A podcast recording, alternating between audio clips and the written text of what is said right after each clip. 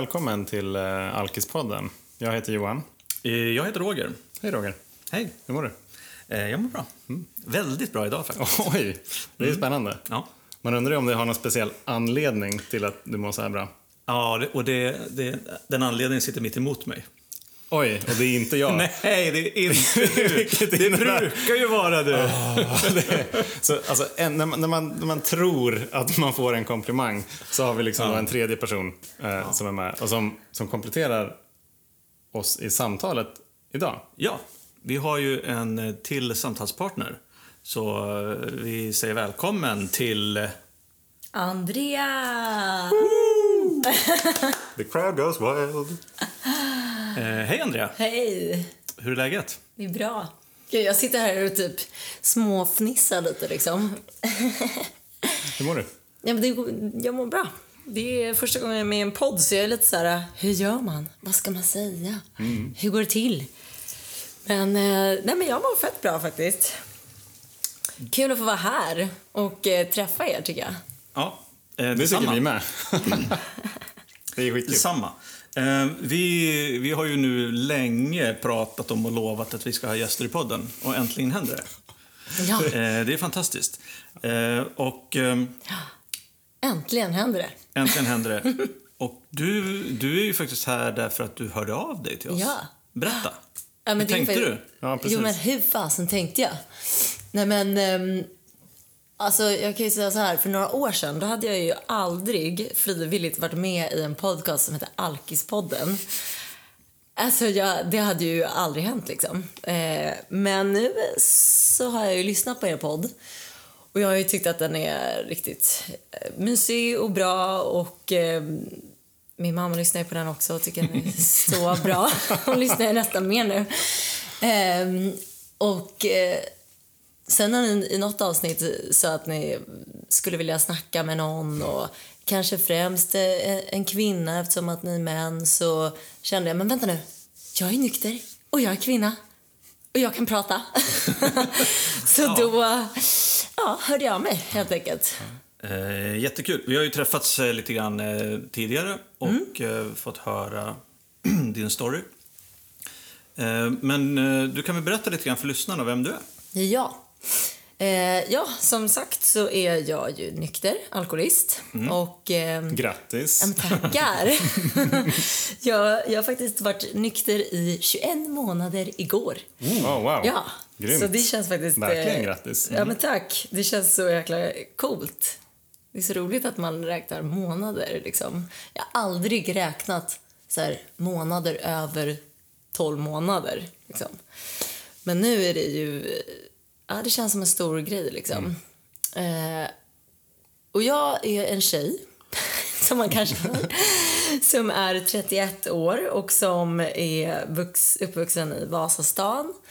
Eh, jag bor i Vasastan nu också. Efter I en Stockholm liten... alltså? Ja, exakt.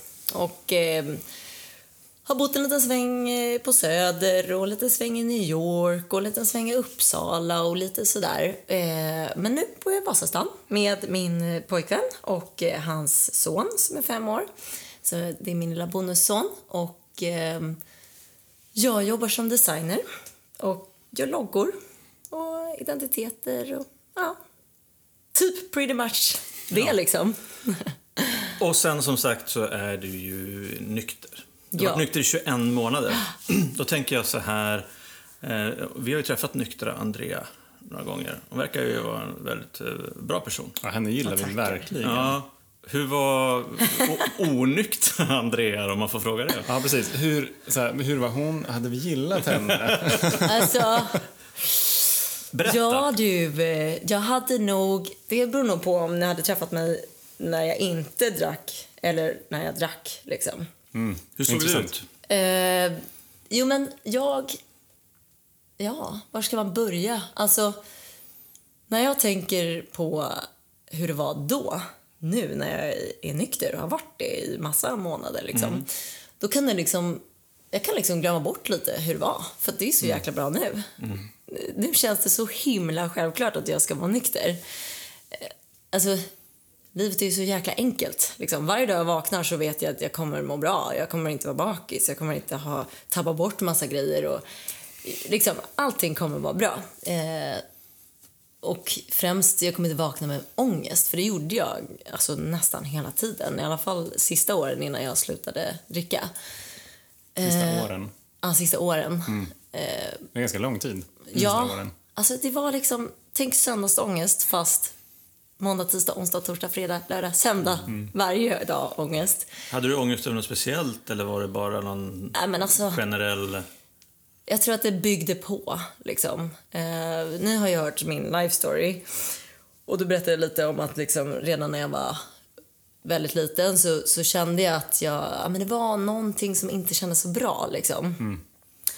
Även om jag hade ett liv som ja, var jä- jättebra egentligen. Alltså, jag jag hade, har en fin familj och mina föräldrar har gett mig allt man kan önska sig liksom i form av kärlek och materiella saker också. Och, och mina systrar har liksom, vi har en jättefin relation och allting har egentligen sett jättebra ut utifrån och på pappret och sådär. Eh, så att egentligen var det liksom inuti mig som det var någonting som var fel. Eh, eller kändes fel i alla fall. För att jag kände alltid att liksom, ah, jag kände mig alltid orolig. Eller inte alltid, men ofta. Och speciellt i sociala sammanhang. Och det var liksom så redan när jag var liten. Ehm, Och den där sociala stressen eh, har ju liksom följt med. Följde ju med då upp i åren. Så när jag var liten så kände jag, gud vad nice, man kan käka lite glass och godis och då blir man lugn liksom. Det gillade jag. Eh, sen eh, när jag blev lite äldre och man började testa dricka alkohol, då kände jag ju att alltså, gud, det här ger ju liksom samma effekt som glass och, och godis. Fast man behöver inte bli asmätt och det, det, man behövde så lite för att känna sig så lycklig och lugn och som jag brukade känna att jag blev mig själv. Typ som att förut var jag någon annan, lite konstig. Men, men när jag drack så blev jag mig själv. Liksom. Och det är ju lite konstigt. Tyckte du ehm, redan när du började dricka, eller när du drack som tonåring, att, att drickandet liksom var en speciell grej? Att det var din grej liksom? Ja, jag tyckte nog att det var, det var någonting som var magiskt med det. Faktiskt. För att jag kände, ja, som jag var inne på, jag kände mig orolig, stressad. Alltså lite så social ångest nästan. Fast jag uppfattades som så supersocial och glad och, och säkert som att jag inte hade några problem i hela världen. Liksom. Eh, det var i alla fall vad folk sa. Att, du är alltid så glad, du är så peppad, du är så positiv. Och jag kände så, men det krävdes rätt mycket inifrån. Liksom, Men du hade att- den liksom ytan även fast det inombords Ja. Jag hade den ytan typ alltid. Men inombords kanske det liksom... Ja, jag var inte så peppig alltid. Liksom. Men jag vill nog inte erkänna det för mig själv bara. Ehm, Så jag körde på. och eh, när jag då hittade alkohol så blev det ju väldigt enkelt att, att slippa alla de där jobbiga känslorna och bara känna pepp, kul, livet är nice liksom. Ehm, så att, ja, det var väldigt eh, magiskt faktiskt. När- Hur gammal var du då? då? Ja, jag började nog dricka alkohol när jag var typ 13 tror jag. Eh, testade. Och, och det var liksom så här, shit, det var så kul. Det var som att man öppnade en eh, dörr till typ Alice i Underlandet eller någonting. Det var liksom så här, wow. Men, men då första åren när jag drack alkohol när jag var väldigt ung, då var det liksom inte så farligt. Det var mer att vi, jag och mina kompisar tyckte det var en kul grej. Liksom. Eh, jag kanske tyckte det var en lite mer kul grej än andra. Alltså jag tyckte det var ganska viktigt ändå att det skulle finnas alkohol om vi skulle komma på en fest. Medan andra kanske var så här, ja vi går dit och tar det som det kommer. Liksom. Jag ville inte bara ta det som det kom. Utan jag ville se till att det fanns liksom. Men tänkte du någon gång, eller det är klart du gjorde någon gång, men när började du tänka att ditt drickande inte var likadant som dina kompisar eller att det inte var normalt? Alltså, det var nog ganska tidigt faktiskt. Alltså det var, jag kommer verkligen väl ihåg någon av de första gångerna när jag tänkte ah shit, alltså jag vill ha alkohol mer än andra. Och det var när jag åkte till Asien. med min första pojkvän och eh, vi åkte till Indien och vi åkte runt i Vietnam och massa ställen och liksom han vill inte dricka alkohol. Jag var ju så här, vi är lediga, vi är på semester, Ja, exakt. vi är i Asien, det kostar ju noll kronor att dricka drinkar. Varför dricker vi inte drinkar hela dagarna? Ja. Och han var så här, jag tar en Cola light. Det är Liksom. så jävla provocerande. Ja, och, jag var, och, jag, och grejen var att jag ville inte visa att jag vill egentligen, jag vill egentligen ta en stor fet öl och bara svepa den. Ja. Utan jag tog alltid det som han tog. Då, då blev det alltid Cola light, typ. Eh, någon gång var det jackpot, för då ville han ta en drink och då var jag så här, ja, ja, okej, jag kan väl också ta en drink då. Liksom, som om, Men du, du köpte inte någon alkohol själv så här, då, Nej. när du var där? Nej, okej. Nej, alltså jag... ehm, skulle jag ha gjort. Ja, Men jag- Det vet vi. Smyger. Nej, men, nej, jag hade inte kommit på det ändå. Men jag hade kommit på andra sätt att hantera det här stressen. Och det var ju liksom att jag inte åt särskilt mycket. Nej. Eh, och att, för, för det hade jag upptäckt då innan, jag kanske var 18 år då när vi Mm. var i Asien där. Och jag liksom insåg där att shit, han vill ju aldrig dricka. Och jag vill dricka hela tiden. Mm. Liksom. Eh, men innan dess så hade jag ju gått till gymnasiet och, och där hade jag ju upptäckt att alkohol var ju toppen. Men också kan man ju inte dricka alkohol hela dagarna när man går i skolan. Eh, utan jag, jag höll det ändå till liksom helger. Men in between så kände jag att jag behöver liksom hantera mina känslor eller den här jobbiga känslan liksom. Och den gick över sjukt bra när jag tränade skitmycket. Så att jag tränade jätte- jättemycket och en extra liksom guldkant på det, där var om jag inte åt så mycket då också. För då kände jag att jag var så in control. Och jag var också lite smått avtrubbad. Eh, Och jag var också väldigt matt eh, eftersom att jag tränade och åt väldigt lite. Så det blev en bra liksom, mix tyckte jag. så att du inte orkar känna känslor? Typ. Alltså jag gillade känslan av att ha tränat som ett as och sen vara lite så här, lite smått hungrig. För då är man, det är nästan som att man inte kan reagera på grejer. Och Ja, den känslan gillade jag. Slö liksom på något sätt. Ja, typ avtrubbad liksom. Men, men den, här, så konstigt. Alltså det är så knäppt. den här känslan, eller de här känslorna, kan du försöka liksom eh, beskriva Ja. dem eller den på något sätt? Alltså när jag var yngre och hade de där känslorna, då var det bara en känsla av alltså en smått panik liksom. Ibland och ibland bara ångest, ibland bara stress, oro. Eh, Jag hade inte den känslan hela tiden och speciellt inte om jag var för mig själv. Då var jag liksom lugn. Eh, Men det var liksom mycket när det handlade om andra människor. Eh, Och jag tror att det i efterhand kan jag säga att det, dels har det varit, varit så att jag alltid har varit rädd för att inte få vara med, inte duga, inte passa in.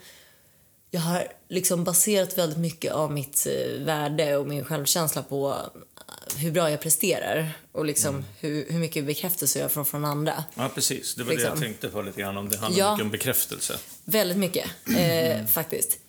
Jag vet inte var det kommer ifrån, men jag fattade liksom... Jag, jag, jag kunde se andra kompisar säga vad de tyckte, stå upp för vad de kände. Även om inte alla andra tyckte så, så tyckte jag att shit, det är så där man ska göra.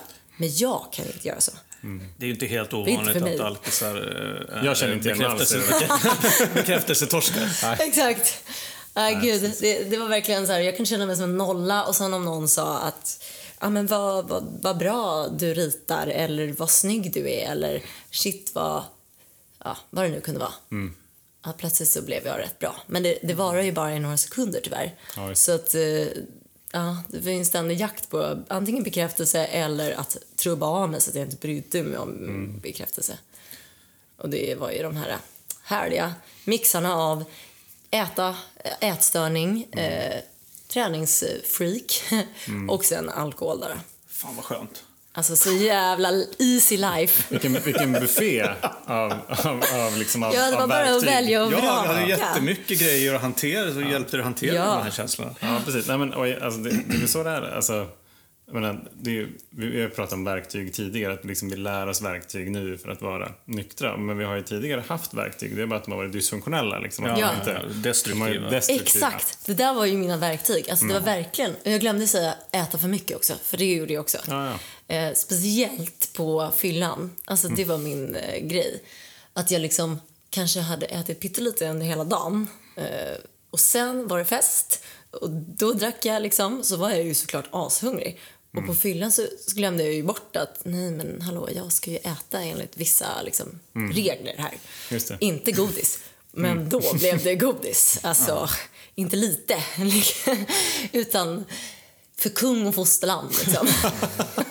Men jag tänker på det här, vi har ju, vi har prat, vi har pratat om det här med alkohol och andra verktyg då, eller, eller metoder för att antingen eh, släppa kontrollen, få kontroll eller bli avtrubbad, bli avspänd. Liksom. Vad var det för typ av tillstånd som du sökte när du, liksom, när du var perfekt? Du har pratat en del om avtrubbad. Gällde det också alkoholen? Jo, ja, det var ju det bästa.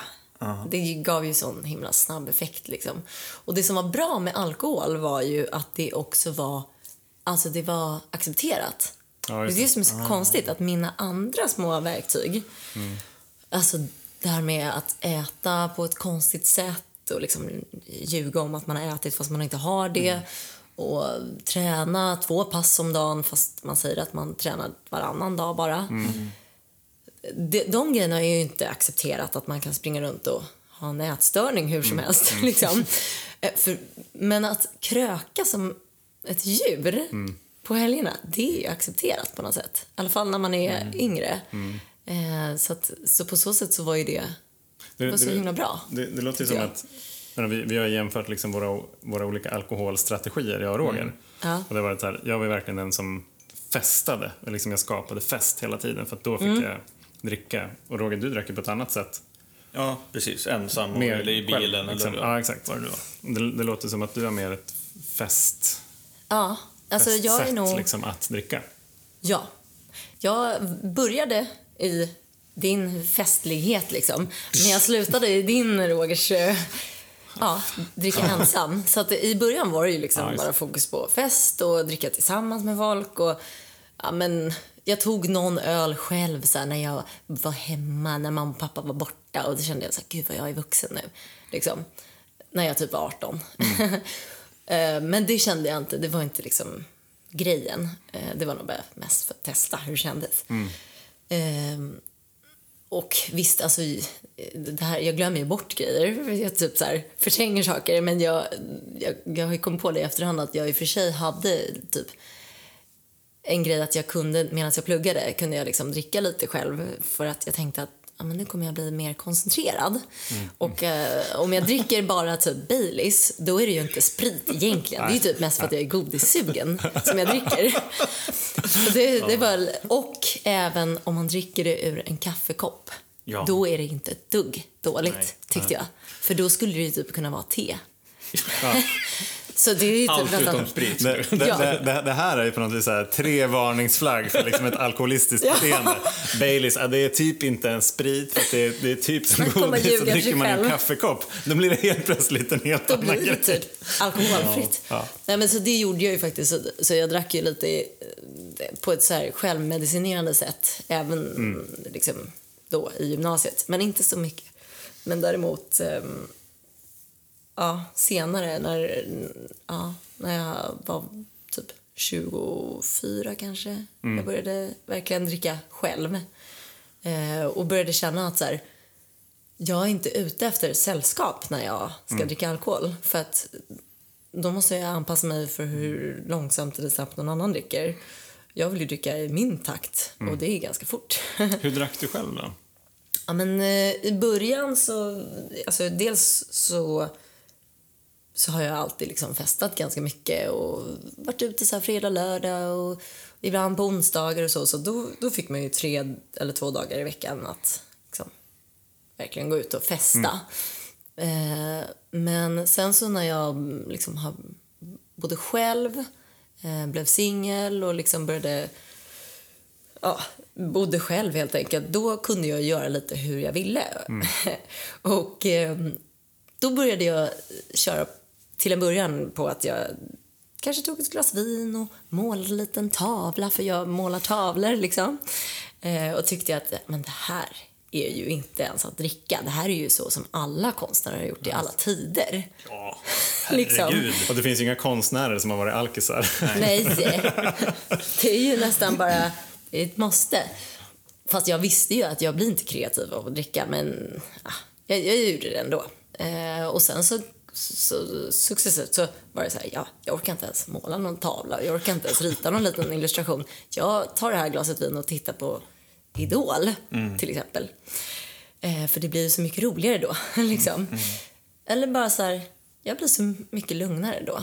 Och ehm, ja, i början var det nog bara så att jag, jag tänkte så här, ja, nej men vadå? Typ alla dricker ju ett glas vin till maten. Det är väl inget konstigt om jag dricker ett glas vin efter maten själv, liksom. Typ, det är ju fortfarande ett glas vin, liksom. Och sen eh, efter ett tag så blev det liksom att eh, ett glas vin, ja men då kan man ju lika gärna dricka två glas vin. Och sen så ja, kan man ju dricka tre glas vin också. Och sen när man har vant sig vid det så blir det ju lite svårt att eh, bara komma hem efter jobbet och sen bara dricka vatten. Liksom. Extremt tråkigt kände jag. Och jag har sen jag var liten känt att varenda kväll är så sjukt viktig på något sätt. Jag har liksom varit en nattuggla av rang. Så att jag var liksom alltid eh, förut uppe tills klockan var liksom två, tre, fyra på natten. Även när jag hade ett jobb där jag skulle vara på jobbet klockan åtta på morgonen. Ehm, ja, så att eh, då det började komma in i det här dricka själv. Jag känner igen mig väldigt mycket just det där att man tar ett glas och tycker att det är okej och sen så bara öka på. Det har vi ju fått höra många exempel. Men jag tänker, i mitt fall i alla fall, när jag hade kommit dit, det vill säga om man kanske då behöver dricka fyra glas vin per kväll för sig själv. Då kändes det som att nedförsbacken liksom till, det var ganska brant. Och att det, liksom, det går ganska fort där att, att, eh, att det bara blir värre och värre och värre. Hur såg det ut för dig då? Liksom? Du, du pratade om att du var 24 ungefär när du började dricka, blev singel och började dricka själv och sådär. Sen blev du nykter då när du var 29. Ja, Ja. exakt. Så att de här fem, sista fem år. åren där, hur, eh, Nej, men då... hur såg de ut? Ja, de såg ju spännande ut. alltså, jag har ju liksom haft så roligt eh, tidigare eh, också. Liksom. Så det har inte bara varit hemskt när jag har druckit alkohol. Ehm, så det, dels var det ju så här roliga fester, det var massa kul och liksom, jag jobbade och pluggade och, och sådär. Men det som var problemet då var att jag kunde liksom känna att allting i livet var bra. Jag hade mitt jobb jag ville ha, jag hade massa kompisar, jag hade ditten och datten och sådär. Och sen var det som att ibland när alkohol kom in i bilden så var det som, som att jag bara gick ner i något sorts svart hål. Det var lite som rysk roulette liksom. Ena dagen när jag dricker så kommer det vara kul och imorgon kommer jag vakna och vara bakis men det är inte mer med det. Men andra gånger när jag drack då kunde jag vakna och liksom inte veta hur jag hade kommit hem, inte veta var min plånbok var, var min mobil var, var jag hade lämnat min jacka. Alltså, jag kunde ha blåmärken. Jag, alltså, jag, jag kunde känna, vad fasen utsätter jag mig för? Eh, jag, kunde, jag var liksom tvungen att titta på mina kvitton eh, för att veta vart jag hade varit kvällen innan. Och den sortens kvällar blev liksom mer och mer ofta under de där sista åren. Det hade varit så redan från när jag var 18 liksom, och jag fick minnesluckor liksom, ganska grovt redan från början när jag började dricka. Men i slutet så ja, då, blev det, då blev det riktigt liksom, vanligt att jag typ inte kom ihåg flera timmar. Liksom. Och det är inte så himla kul. Nej. Jag tänker på eh, en grej som jag och Josefina har pratat en hel del om. Hon har liksom inte, jag tror inte hon fortfarande förstår, det kanske hon aldrig kommer att göra, men så här, hur, hur kunde jag mm, tillåta mig själv att förlora kontroll så mycket? För hon, hon menar så här, men alltså varje gång innan hon går ut så är det så här, ja, men va- vart ska jag, vilka är det jag går med, Eh, hur mycket kan jag dricka, verkar det säkert? Alltså så här, på något vis tänker igenom olika scenarion för att hon känner sig väl orolig för att hon är tjej och liksom Mm. inte vill gå hem själv. Tänker på liksom risker, helt enkelt. Vad, vad, vad tänker du? Nej, jag tänkte aldrig så. Nej, Nej, jag gjorde verkligen inte det. Och jag är så sjukt tacksam att jag inte råkade ut för några liksom hemskheter. Eh, ja, verkligen. För att jag tänkte inte så där en sekund. Alltså jag tänkte bara, nu ska jag ut. Eh, jag hade inget risktänk överhuvudtaget liksom. Och jag har och jag har alltid varit en person som är väldigt så här, öppen och pratar och liksom kan nog uppfattas som att jag är så här, jätteinbjudande eller något. Så, så jag, ja. Jag är väldigt glad att jag inte råkade ut för någonting. Liksom. Eh, mer än saker jag själv utsatte mig för. Liksom. Men ja, nej, så tänkte inte jag. Jag, jag, jag tyckte bara att så här, nu, nu vill jag hoppa på det här tåget som man inte vet var det kommer stanna. Liksom. Och det var lite det som var det sköna. Att inte ha någon plan, inte ha någon kontroll. exakt. Alltså jag, till exempel min mamma gillar ju inte att tappa kontroll. Hon gillar ju inte att dricka alkohol. Men ehm, för mig var det ju liksom att tappa kontroll som var mitt mål med hela alltet. I, alltså, och framförallt eh, få tyst på den här rösten i huvudet som, som alltid var så himla högljudd och som var så himla kritisk. Vad kunde den säga då? Ja, men den, den, den lilla kritikern, den kunde säga... Alltså, alltså himla störig bara. Den, den kan ju finnas kvar idag, men jag kan genomskåda det på något sätt och se att jag inte behöver tro på det. Men då, till exempel om man är i ett socialt sammanhang och pratar så, så kunde jag höra mig själv säga men gud, vad säger du? Shit, vad ointressant. Eller gud, nu får du fan step it up, du är så tråkig. Ah, shit, ingen, ingen är intresserad av vad du ska säga nu. Liksom. Eller vad det nu kunde vara. Och jag trodde liksom på den där rösten hela tiden. Och när jag drack alkohol så var det liksom som att den blev tyst. Och jag fick äntligen bara inte höra no någonting annat än det som var i rummet eller det någon annan sa. Utan att behöva höra något chatter från någon liten kritiker. Liksom. Så det tyckte jag ju var helt magiskt. Faktiskt. Och idag har jag ju lärt mig att typ meditation gör att man slipper den där kritiken rätt mycket. Just det. Bland annat. Liksom. Jag tänker på ja, två saker egentligen. Det ena är just eh, om man jämför hur du, hur, du, hur du är och mår idag. Då tänker jag så här, du har ju säkert varit ute på nätterna eh, nykter. Och har du någon gång liksom reflekterat över det du har sett, liksom vad som skulle kunna ha hänt? Ja. När, när du liksom, för jag, jag gissar att du, som du berättar, att du vis, visste inte vad du gjort. Du kanske inte vet vad, du- hur du har betett dig, vet Nej. inte vilka du har varit med, vet inte vart du har varit. Men om du nu som nykter går runt och ser liksom vad fan, hur det ser ut på stan till exempel. Ja, men jag känner att jag vill rädda folk. Ja. när jag är ute nu. Alltså, jag kan ju se en tjej hålla på att trilla omkull på ett par stilettklackar på liksom 100 meters avstånd och så vill jag springa fram och typ hjälpa henne att inte trilla. Liksom. Och jag ser ju, ser ju folk som håller på att slå sig överallt, tycker jag. Eh, det är liksom ibland så här, hela havet stormar och jag bara och i början tyckte jag det var skitjobbigt för jag kände att jag var tvungen att springa runt och liksom rädda den och den kommer spilla på sig själv och den kommer trampa på dens fot och nu kommer den armbåga den i näsan typ. Sen bara, äh, alltså folk klarar sig själva. Alltså det, det som ska hända händer. Jag ska nog inte vara där och liksom fixa liksom. Kontrollera grejerna. Nej.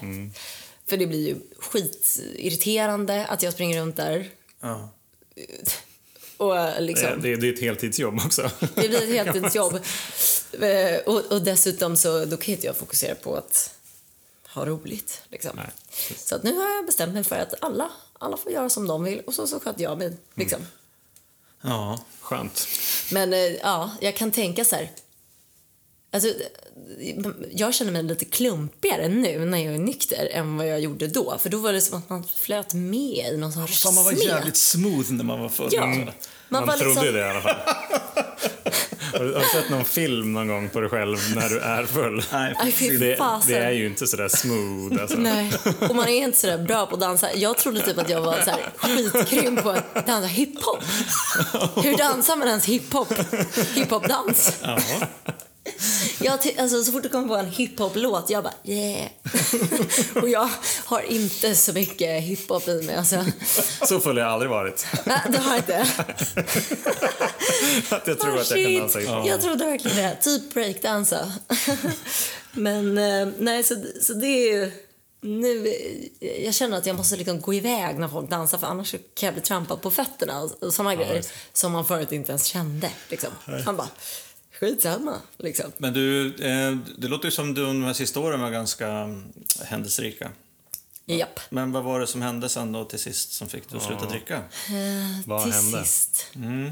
Ja, men alltså, de, de, jag, ehm, jag har ju jobbat eh, som designer i några år nu. Typ fem år, fyra, ja, fem. Och det som hände sista åren var att jag bestämde mig för att jag skulle starta eget. Eh, och liksom, ja, jobba som frilansare helt enkelt. Och det var dels för att jag tyckte det var en väldigt kul utmaning och, och allt det där. Men dels var det ju också perfekt livsstil för mig som gillade att kanske gå upp lite senare och gå och lägga mig senare. Och jag gillade inte att någon skulle säga att jag skulle vara uppe klockan åtta på ett jobb. Liksom. Utan jag kände att det här kommer passa mig perfekt. Och då var det inte heller någon som kollade hur man liksom hur man mådde, typ. Jag kunde ju jobba hemifrån, eller jag hade ett kontor där i början, eh, eller första åren. Men eh, det fanns ingen som jag behövde svara till, liksom. Ja. Eh, så att då kunde jag verkligen ta min livsstil till en ny nivå, kan man säga. Eh, och där, det där eh, romantiska sättet att typ dricka vin för att bli kreativ, det kunde jag också ta till en ny nivå. För att det, det var som att eh, saker och ting att ha ångest för hade liksom lagt sig på hög, på hög, på hög. Jag hade gjort alltså, dumma grejer när jag var full. Eh, och istället för att ta tag i såna minnen och sånt, jag bara, äh, strunt i det, det var då. Jag är ung, haha, liksom. Eh, Skrattade bort saker som jag egentligen kanske borde ha ja, pratat med någon om. Liksom. Eh, och ja, började få mer och mer ångest också så jag gick upp så jäkla sent på morgnarna. På, på vardagarna. Jag kunde gå upp klockan 12 liksom. Bara att gå upp klockan 12 får man jättemycket ångest av. Ja, det gör man verkligen. Och, och då kunde jag ha massa missade samtal från kunder eller kompisar och jag, jag kände bara, gud, jag lever i en liten egen värld här som ingen Ja, vet exakt. om. Eh, och utåt sett så, så verkade jag nog som värsta hälsosamma personen som liksom lever och är glad och toppen och allting är kul liksom. Men känner du, känner du alltså nu i efterhand, det här beslutet att eh, just eh, kunna jobba hemma. eh, Tror du att alltså just möjligheten att få dricka precis som du ville, att det spelar en stor roll i det beslutet? Alltså, jag, jag, jag, jag tog inte beslutet för att jag skulle kunna få dricka som jag ville. Eh, för jag drack ändå ganska, liksom, i, i slutet av tiden jag jobbade på en byrå så ja, men jag drack liksom vin eh, ganska ofta i veckan. I, kanske inte varje dag, för jag... Ja, men nästan. Eh, men det var bara så störigt att gå runt och säga till alla så här, nej men jag är så pollenallergisk, det är därför jag är röd i ögonen hela tiden. liksom.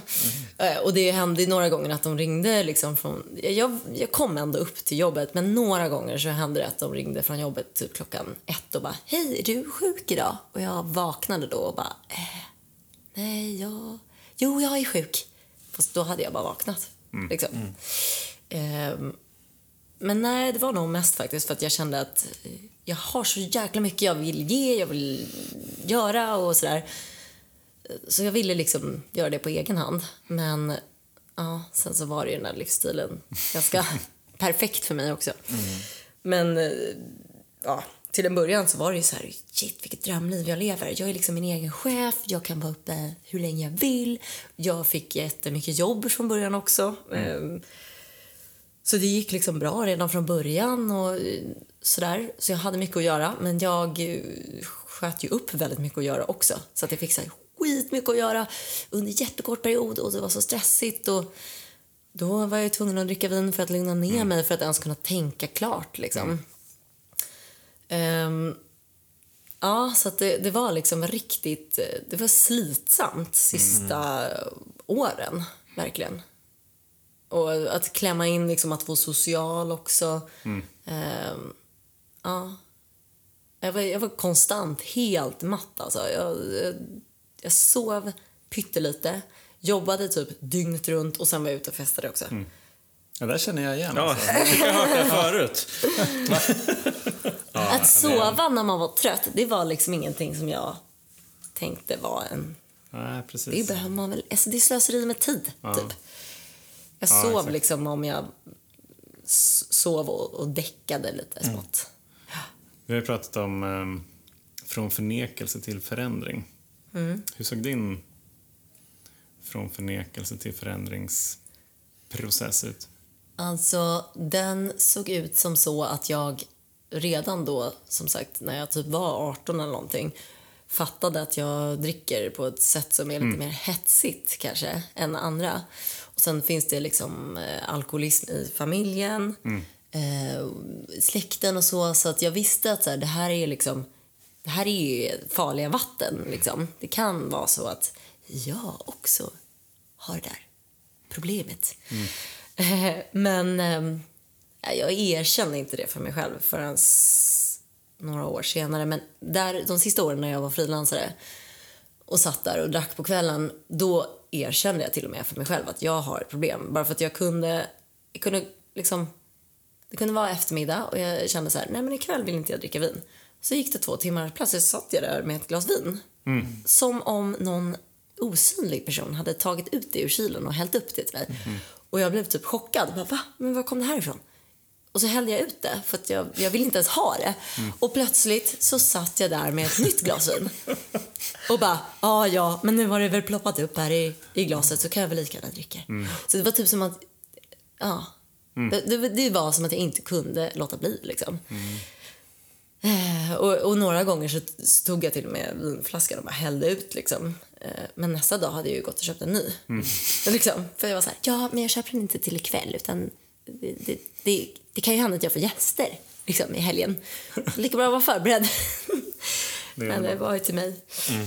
Eh, jo men så, så att eh, jag visste ju att det, det inte var så bra men successivt liksom eh, sista året speciellt så började jag liksom ah, jag började göra saker som jag verkligen inte var stolt över. Jag, alltså min moral eller vad man ska säga som jag saker som jag har tyckt att man inte gör. Det, jag bara jag bara struntade i grejer för att jag hade ett mål och det var att må bra och det gör jag bara genom att dricka alkohol typ. Och allt annat är egentligen bara i vägen för mig. Ja, typ.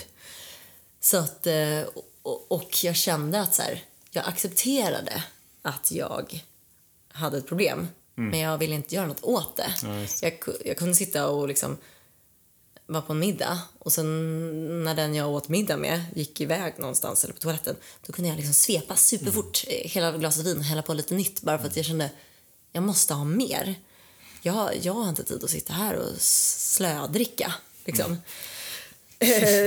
Men jag måste ha tänker mer. på- Kände du liksom, eh, du sa att du var medveten att du erkände för dig själv, men var du på väg någonstans att ge efter för den här, liksom, för alkoholismen och känna att det är lika bra att köra liksom in i väggen? Eller kände du någonstans att det fanns, Det fanns ville ju... du liksom förändra dig? Ja. In, alltså, jag menar innan du faktiskt beslutade för att Ja, sluta jag ville dricka. det. Ja. Och jag eh, ringde någon gång till så IQ, alltså alkohollinjen och, och frågade liksom åt en kompis, hur gör man om man ska typ sluta dricka? Eh, och där så, efter ett litet tag så fick jag komma och träffa någon psykoterapeut där och jag fick eh, prata med någon och jag vet, det var väldigt diffust vad egentligen vad jag ville få ut av det och egentligen vad de trodde att de hjälpte mig med. Men det slutade med att jag fick tabletter i alla fall som jag skulle ta för att inte inte liksom få någon effekt av alkohol. Inte som antabus, men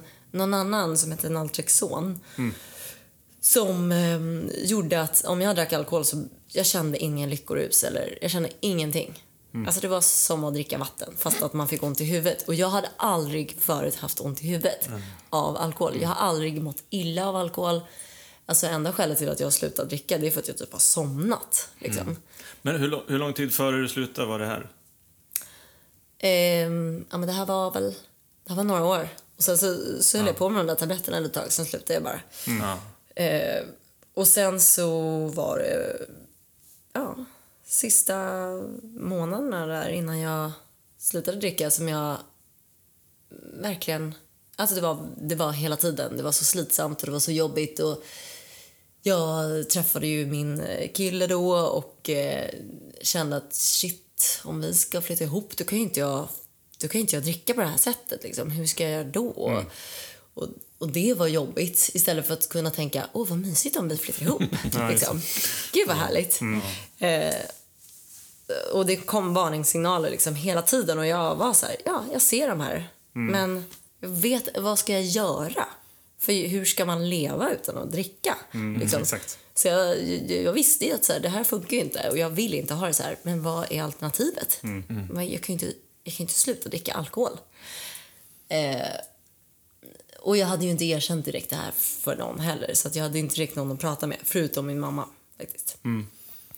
Eh, och sen så var det faktiskt så att det var, ja men sista kvällen när, när jag drack alkohol sista gången, det var, eh, jag och min kille skulle gå på parmiddag eh, och vi hade barnvakt till eh, lilla bonussonen och eh, det var liksom vi och ett annat par. En liten chillmiddag liksom. Men när klockan var typ halv elva och vi skulle gå hem till barnvakten, då kunde jag inte gå hem. Så jag bara, ah, men eh, du, du, eh, du kan gå hem. Jag, jag kan sitta kvar. Eh, eh, Och han bara, jaha? Eller min pojkvän var ju så här, jaha, men vi, vi ska ju gå hem. Eller vi bor ju ihop nu liksom. Och jag, var, jag kunde inte gå hem för jag hade inte druckit tillräckligt mycket. Alltså det var som att så här, jag kan inte. Och jag, jag tänkte, alltså jag, jag kunde inte ens eh, tänka på att han blir ledsen nu eller att det här är konstigt och det andra paret vill nog inte sitta kvar med mig heller. Men det brydde inte jag mig om. Utan jag var bara tvungen att dricka mer liksom. Eh, så att det var inte ens någon så här festlig fest sista gången jag drack utan det var bara jag och ett annat par som tyckte jag var lite weird. Liksom. Eh, för jag bara drack och drack. Och eh, sen så vaknade jag liksom hemma eh, lite senare och kom inte riktigt ihåg hur jag hade kommit hem. Och min kille var så här, hallå, var, var har du varit? Hur har du kommit hem? Jag hade ju typ åkt taxi med det andra paret eh, hem och liksom, det var inte någon fara men han var så här, hur blev det så här? Och för första gången så hade jag slut på ursäkter. Jag bara, jag vet inte. Alltså jag vet inte. Och han bara, varför gjorde, varför gjorde du så här? Jag bara, jag vet inte. Alltså jag vet faktiskt inte. Jag vet inte vad jag håller på med. och jag har alltid haft så mycket ursäkter. Och bara, jo men det var för att, och den, och den blev ledsen, och jag var tvungen. Och nu var det bara så här, jag vet inte. Och jag vill inte ha det så här. Ja, det var faktiskt, det, det var så skönt. Faktiskt. Ja, vad, hände, vad hände sen då? Ja, precis. Vad hände sen? Det här är ju liksom, Ja, eh, sen så... sitter som på nålar här. Sen så gick det liksom ehm, en... eh, ja, men jag bestämde mig ju då. För då, då berättade jag ju för min kille att eh, jag, ja, jag har verkligen problem med alkohol. Och liksom, han hade ju anat det. Liksom. För att han märkte ju att jag kunde dricka typ dubbelt så mycket som honom. Och sen ville jag bara ha mer. Liksom. Men ehm, ja, jag gick runt som en grå disktrasa i typ så här flera veckor och kände jag kan inte dricka mer. Men vad ska jag göra? Och då, som vi snackade om lite tidigare, eh, så googlade jag så här, sober people. För jag var så här, vilka människor finns det som är nyktra? Finns de överhuvudtaget? Finns det såna? Liksom. Eh, Jag trodde typ inte att det fanns och det var ju ett bra tecken till att det kan inte funka. Liksom. och jag har, visste ju att vissa människor är ju nyktra för att de är typ gravida och då måste man ju vara det. Eh, och vissa människor ah, tränar väldigt mycket och då är de ju nyktra. Liksom. Men annars kan man inte vara det. Men eh, jag googlade i alla fall och så hittade jag lite, lite så celebrities i Hollywood. Typ. Och sen även några i Sverige. Som, så jag lyssnade på liksom väldigt mycket podcast faktiskt. Eh, ja, men, typ alla jag kunde komma över. Liksom. Eh, och läste typ artiklar, allt, allt som handlade om folk som var nyktra. Men tänk, nu är det kanske så att någon annan kommer att lyssna på den här podden. Ja. Som du pratar i. Och så kommer de med nyktra. Det vore så Det är sjukt ju. Full circle. Ja. Det, jag gick verkligen så här... Jag gick runt. Jag hade ett kontor, så jag gick liksom till kontoret och grät och lyssnade på podcast. och sen gick jag ifrån kontoret, grät, lyssnade på podcast. Varje dag i en månad. Och sen var det dags att åka på julsemester till Bali. Eh, jag och min kille. Och eh, jag hade ju fortfarande bestämt mig att jag, jag ska ju vara nykter nu. Eh, jag hade liksom inte sagt att jag ska vara nykter för resten av livet utan bara så här, ja, jag kan inte dricka alkohol igen i alla fall. Och när vi var där så var det liksom... Ja, det, här, det här var ju verkligen en, en tid av att vara nykter på vita knogar. Liksom. Jag, jag var nykter, men jag mådde inte särskilt bra. Liksom. För att ehm, alkohol hade ju gjort att jag var lugn tidigare. Och, nu, och, och kände så här, kände mig som mig själv. Och nu visste jag inte vem jag var och jag visste inte hur jag skulle liksom vara social. Så att när vi kom där till Bali så, ja men jag låg ju typ och grät liksom. Och bara, jag orkade inte gå till stranden, jag vill inte gå till restaurangen. Varför ska man gå någonstans egentligen? Varför ska man ha semester om man inte typ kan dricka alkohol? Ja. Det blir ju inte en riktig semester då. Fast jag sa inte det heller riktigt till honom utan jag bara tyckte att det var så jäkla synd om mig själv. Och det var så hemskt. Alltså, jag tyckte att det var så hemskt alltså. Eh, men då var det faktiskt så att jag fick eh, kontakt till en eh, person i ett tolvstegsprogram. Eh, jag pratade med en kompis till mig och hon gav ett nummer till en kille i en, ett tolvstegsprogram som jag ringde till. Och ja, på något skumt sätt så fick jag faktiskt hopp om livet då. Trots att liksom, jag inte visste ens vem är den här personen. Liksom. Men eh, Vad var det han sa då? han sa bara så här, hej, hej, eh, ja, men jag, jag, fasen, jag vet hur det känns och jag har varit där också. Men du, det kommer bli bra. Och vi gör så här, när du kommer hem från Bali så går vi på ett eh, så här tolvstegsmöte. Och då hade jag liksom eh, någonting att hänga upp mig på. Eller hänga upp liksom hoppet på, Just typ. Eh, och ja, alltså så gjorde jag det när jag kom hem, helt enkelt. Och från att jag gick på mitt första möte så kände jag bara så här, alltså jag kom in i det där rummet, var livrädd. Det var massa andra människor som eh, uppenbarligen hade problem, hade haft problem med alkohol eh, och droger kanske. Och även om jag var livrädd så kände jag en sån sjuk lättnad alltså. Bara när jag liksom öppnade munnen och sa hej, jag är alkoholist. Då var jag så här, okej, nu har jag erkänt det för en grupp med typ 40 främlingar. Jag är det, liksom. Och eh, det var bara så himla lättnad, lättnad alltså. Och sen så, så sa ju de där att så här, ja men gud vad bra, välkommen hit och vad kul och du kommer kunna må bra men du måste, du måste be om hjälp då. Eh, Och eh, hjälp kan man få här bland annat genom att ta en sponsor. Och, eh, och det är då en person som hjälper en att eh, gå igenom 12 steg som 12-stegsprogrammet går ut på. Eh, och som har varit nykter en, en längre tid och som, som liksom kan guida en. Så då gjorde jag det dagen efter. Okej. så Skrid till verket. Boom. Exakt. Ja, men jag var ju typ livrädd att göra fel för jag har alltid varit lite så här duktig flicka. Ja, vad bra! Ja, det var ju en jäklig tur. Alltså, för, att, eh, nej, men för mig fanns det ingen... eh, jag, jag fick inte göra fel här, tyckte jag. Utan eh, jag sa dem att jag skulle gå på möten, då gick jag på möten. Så skulle jag ta en sponsor, då tog jag en sponsor. Men det, det, här, det här är ganska intressant. Alltså, det var ändå 40 främlingar som var på det här mötet. Och eh, den här personen som du pratade med, hade du, inte, du kände inte honom så jätteväl. Nej. Hur var det att, att lita på liksom en... Alltså det var ändå främlingar.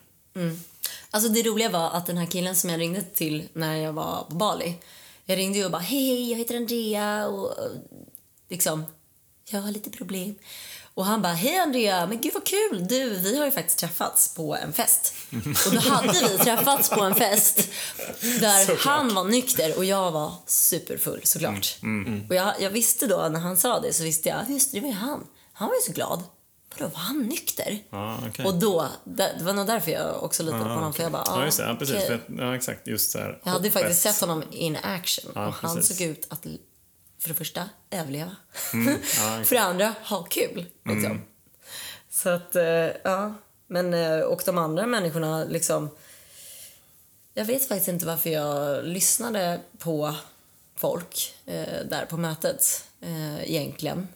För att eh, jag har alltid haft lite av en tendens att tycka att jag, jag vet ju ändå bäst vad jag behöver. Och jag kan själv, liksom. Eh, men i det här fallet så... Nej, jag kunde ju inte själv, uppenbarligen.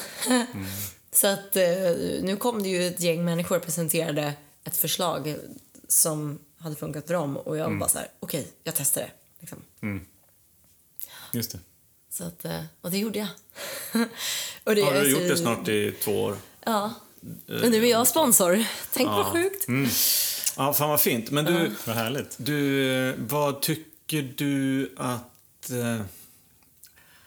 Alltså, vad är den största skillnaden på den Andreas som sitter här och eh, den Andreas som var på Bali? Eller inte på Bali, innan då, på parmiddagen. Alltså, rent i dig själv, liksom. Vad tycker du? Har du var har du kommit någonstans? Alltså, när jag tänker på den här parmiddagen, då tänker jag så här, hur kunde jag vara så himla rädd? Alltså jag var så jäkla rädd. Vad var jag, du rädd för då? Nej men jag vet inte. Jag var rädd för allt. alltså jag var rädd för allt. Och det har verkligen varit som en röd tråd i mitt liv. Att jag har liksom varit så himla rädd. Alltså på en onormal nivå liksom. Vi är ju liksom människor som kommer från alltså, en tid då man var tvungen att vara rädd för att annars skulle man bli uppäten av typ ett djur. Liksom. Men sen har ju den där rädslan trubbats av så att man behöver bara vara rädd om det typ är en riktig fara. Mm. Men jag tyckte att det fanns faror överallt och de var liksom i form av att inte få vara med. Väldigt Ja, mycket. det. Och uppfattas som eh, töntig, uppfattas som osmart, eh, vara tråkig, Mm. vara... Alltså, allt. Vara för normal.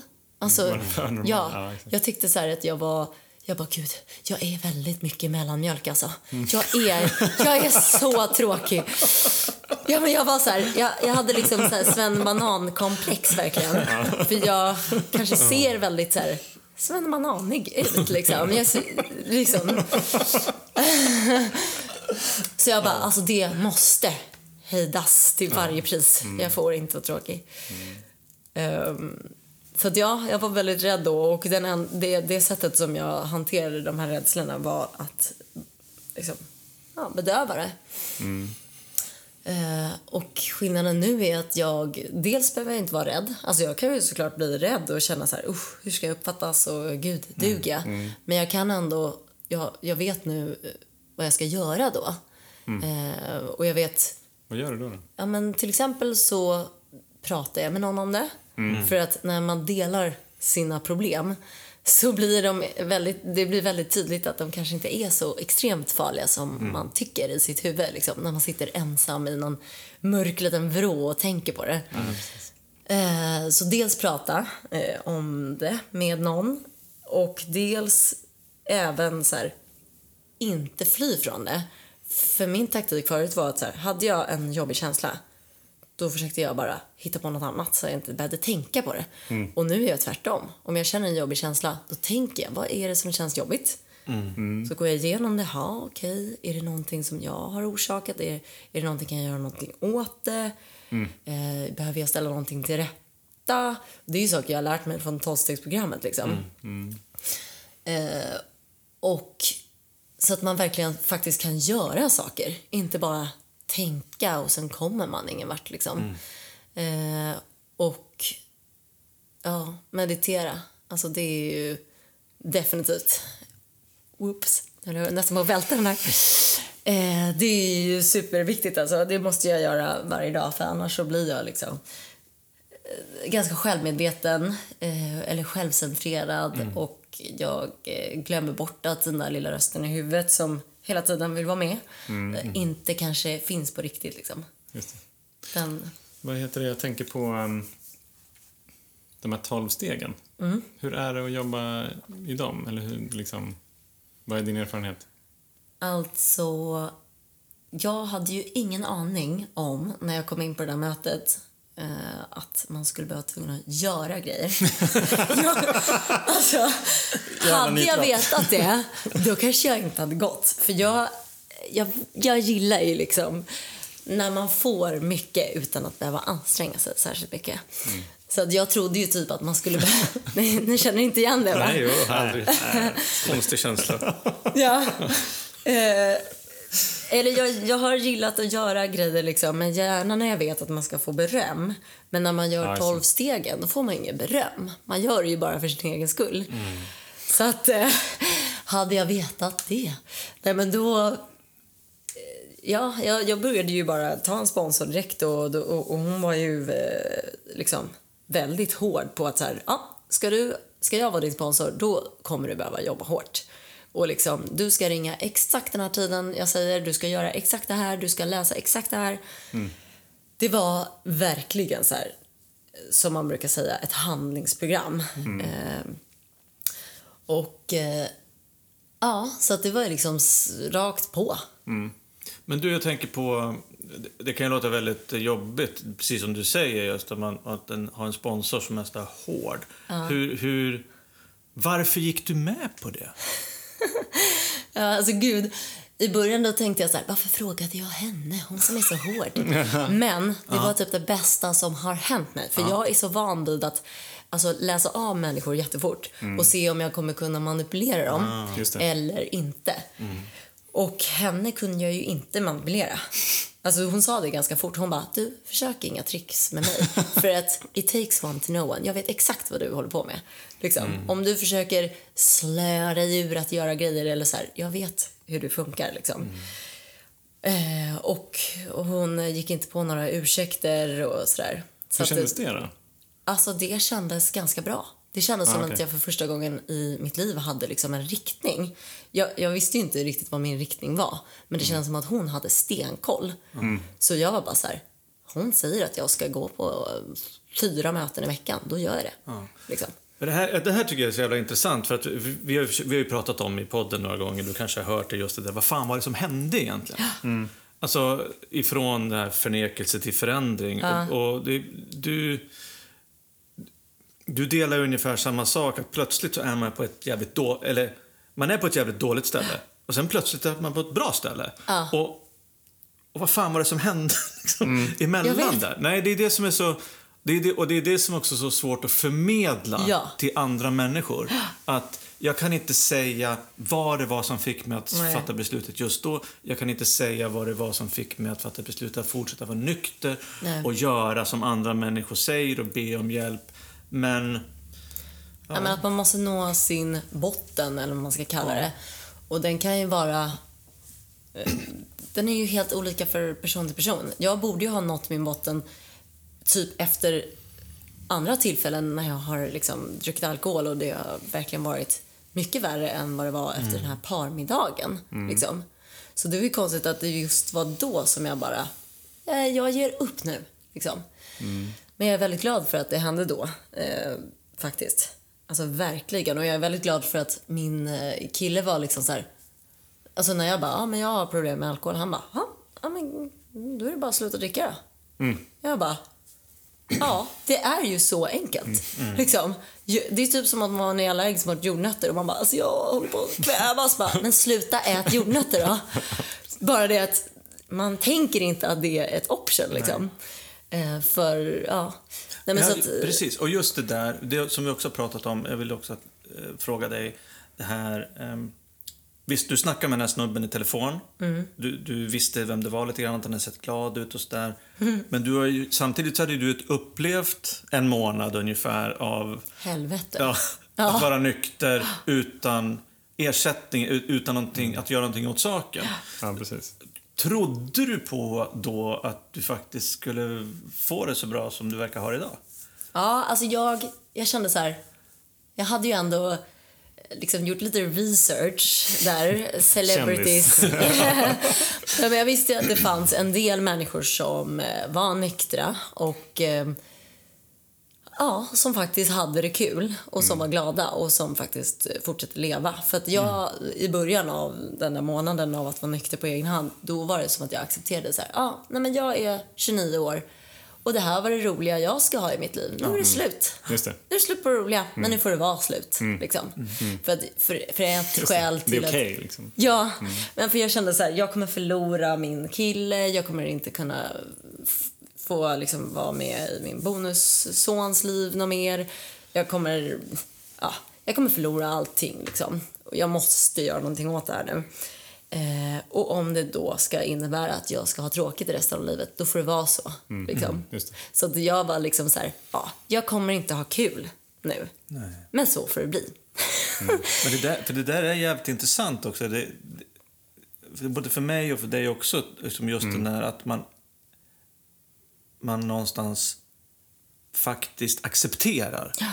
att ja, men, eh, det, det är okej att ha tråkigt. Alltså, Ja. det, för det är det som krävs. Ja, och sen att det inte blir så, det är en annan sak, men det kanske man inte vet då. Ja. Men jag tror det är också, det är också en viktig del i, i just den här förändringsprocessen. Just att man faktiskt, man faktiskt accepterar att det är okej att ha tråkigt. Att lite grann att ja, nu är det slut på det roliga. Men fan, det är värt det liksom. Ja. Eller jag Ja. måste för att inte dö eller vad det nu kan vara. Exakt. Och när man, alltså, och nu för tiden, nu kan jag ju till och med acceptera att ah, men jag ska gå på en fest i helgen. Ah, det kanske blir tråkigt, men det är okej. liksom. Jag går ju dit dels för den, den personen som har bjudit in mig, den skull också. Eh, Jag kanske kan bidra med någonting. Liksom. Du, men, du, menar, du bara- menar att du tänker, mer, tänker på andra människor? Jag kan faktiskt tänka på andra människor. Ja, fantastiskt. Ja, är- Och liksom då helt blir det kul. koncept. Ja, och det roliga är då blir det ju, eller oftast blir det ju svinkul. Eh, verkligen. Förut kunde jag liksom tänka så här, det, måste bli superkul i helgen, jag måste gå dit, jag måste få ut det här och det här och det här av det. Ja, det. Liksom massa för, förväntningar och sådär. Eh, det, det kunde ju oftast bara sluta i besvikelse. Det blev inte alls så där som jag hade tänkt mig. Nu har jag liksom inte så mycket förväntningar.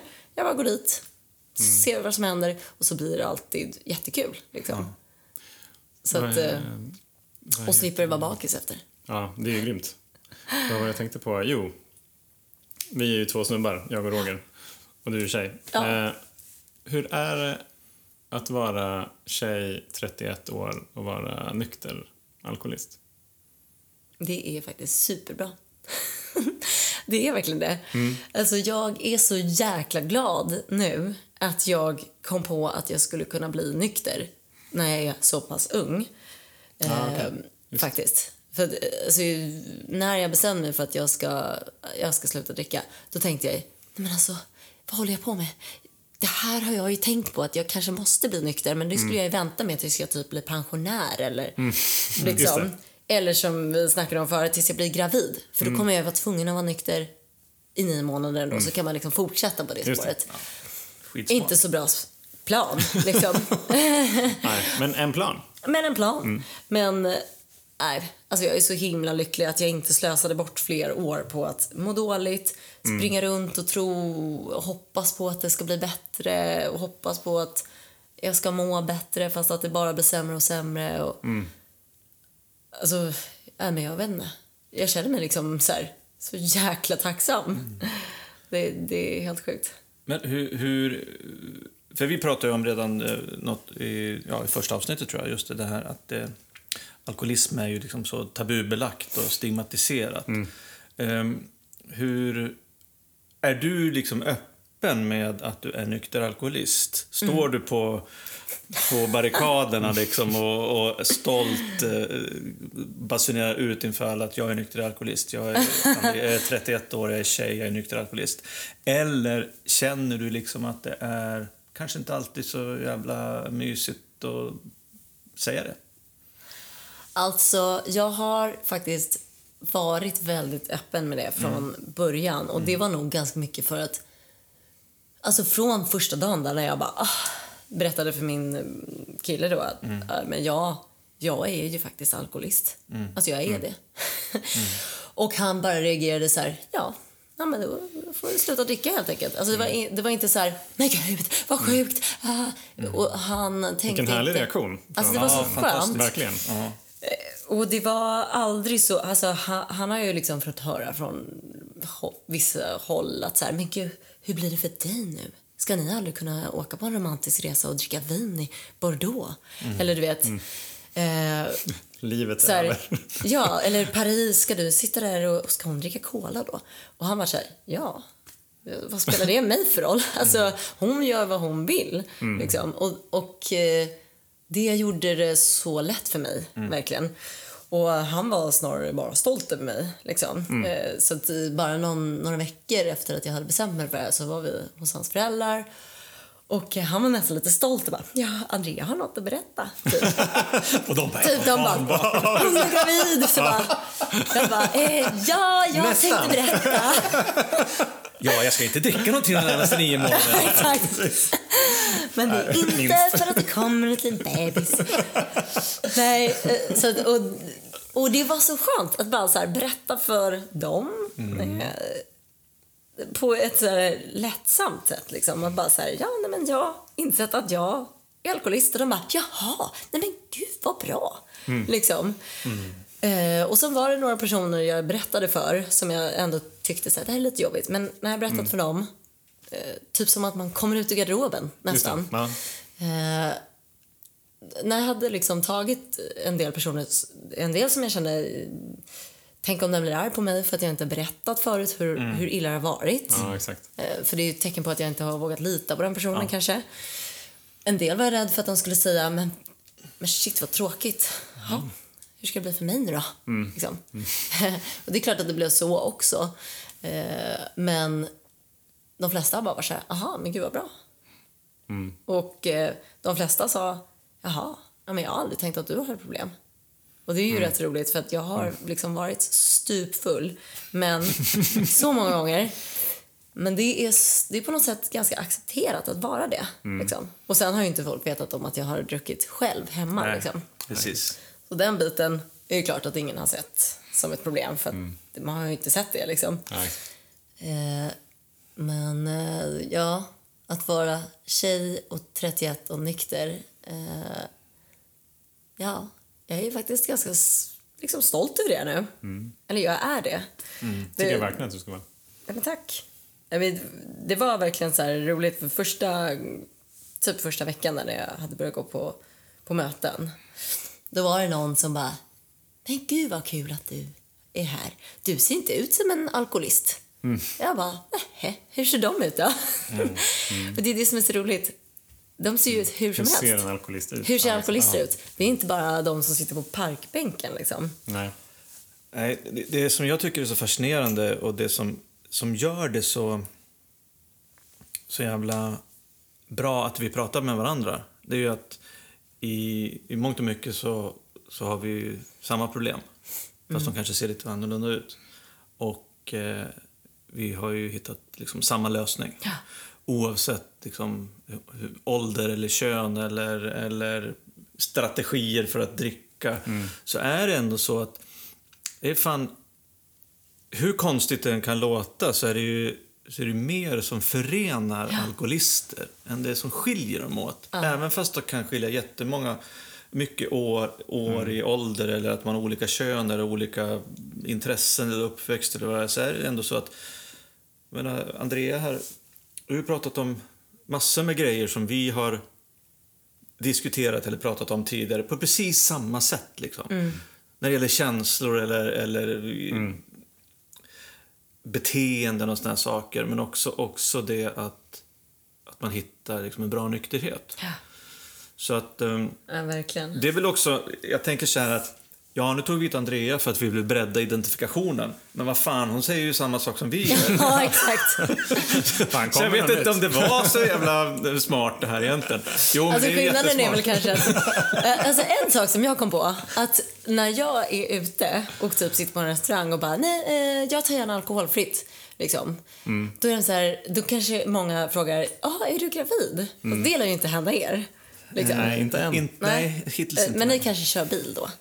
Eller brukar folk... Ja, men jag, jag Liksom- brukar egentligen göra det ganska enkelt och säga att jag är alkoholist. Ja, det är ju rakt på sak bara.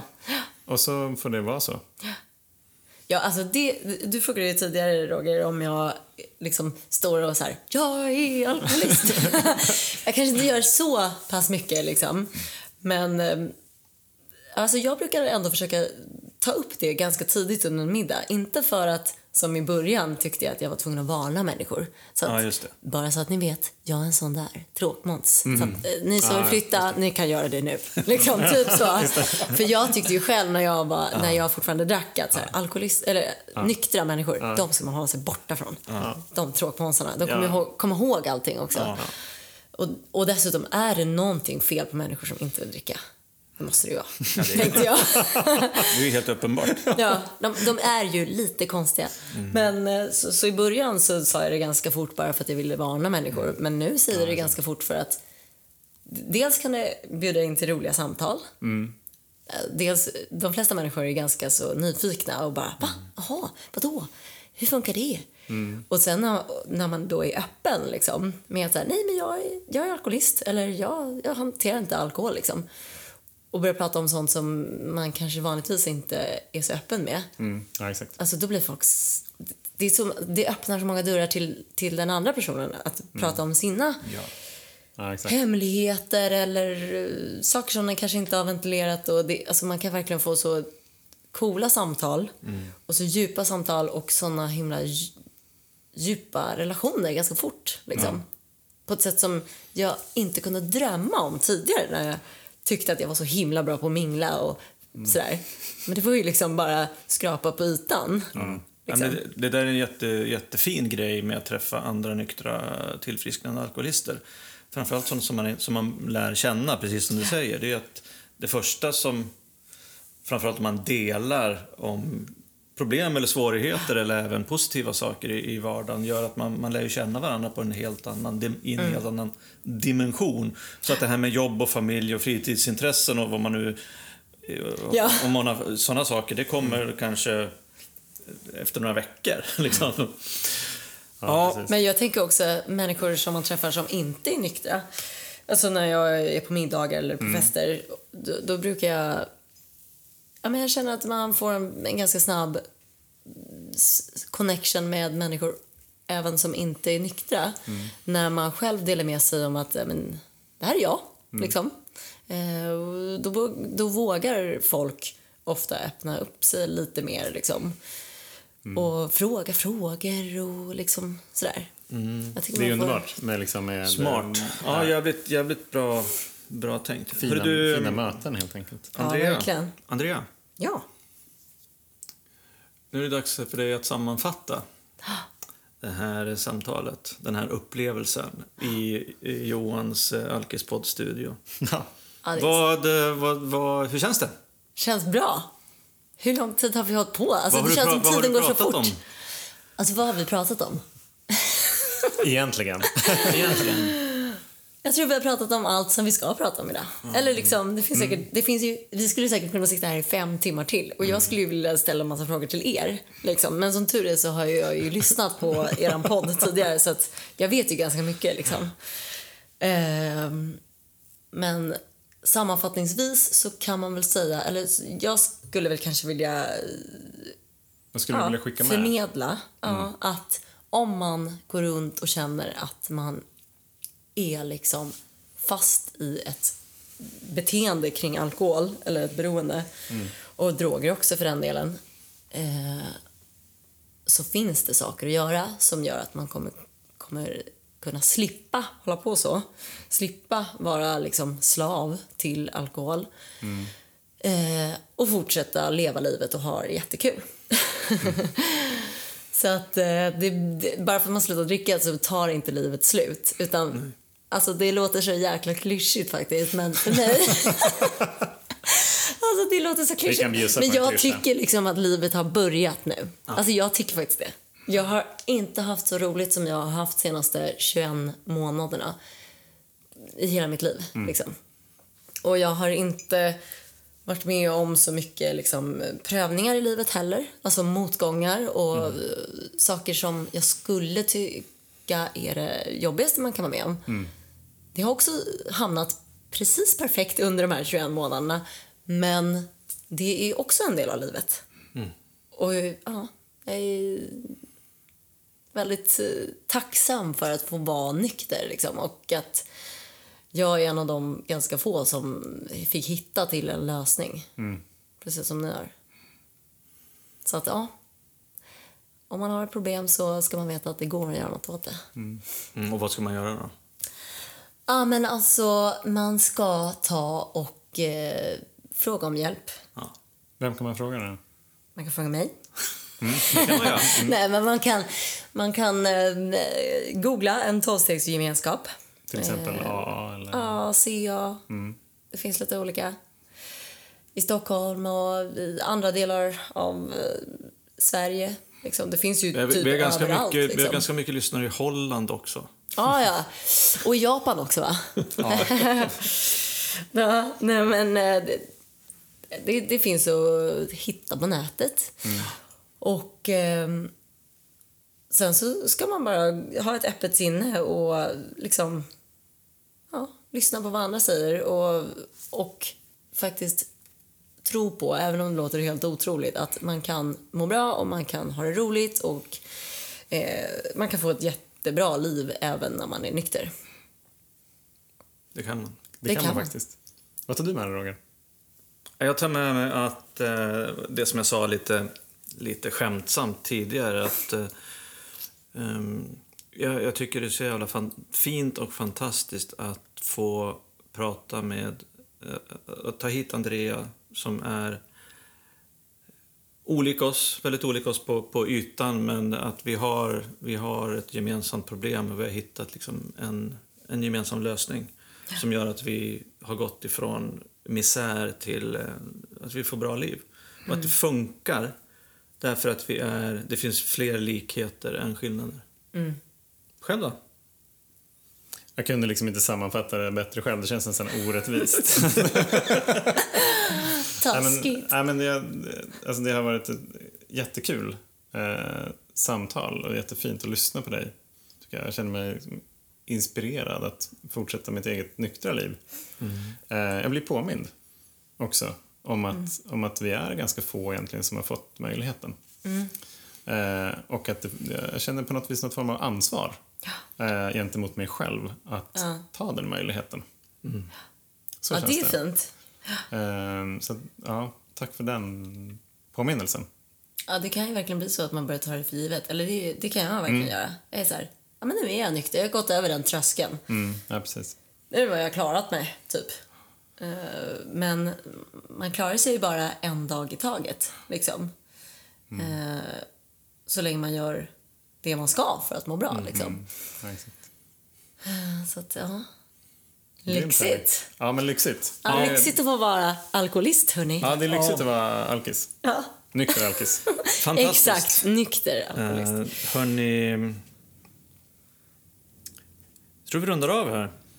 Ehm, vi kommer ju eh, att eh, naturligtvis att släppa fler avsnitt nästa vecka. Vi har fler gäster på gång. Ja, ehm, vi har, Andrea har ju satt ribban här nu. Mm. Så eh, nej, det kommer bli magiskt och som sagt, jag är också jävligt glad att få vara med om det här. Jag är så glad att jag fick komma. Så kul. Underbart. Jag har aldrig varit med i en podd förut, men det här var jättekul. Så spännande. Ja, men vad bra. Då hörs vi nästa vecka då, hörni. Ja, tack, hörni. Tack. Ha det bra. Hej då. Hej då.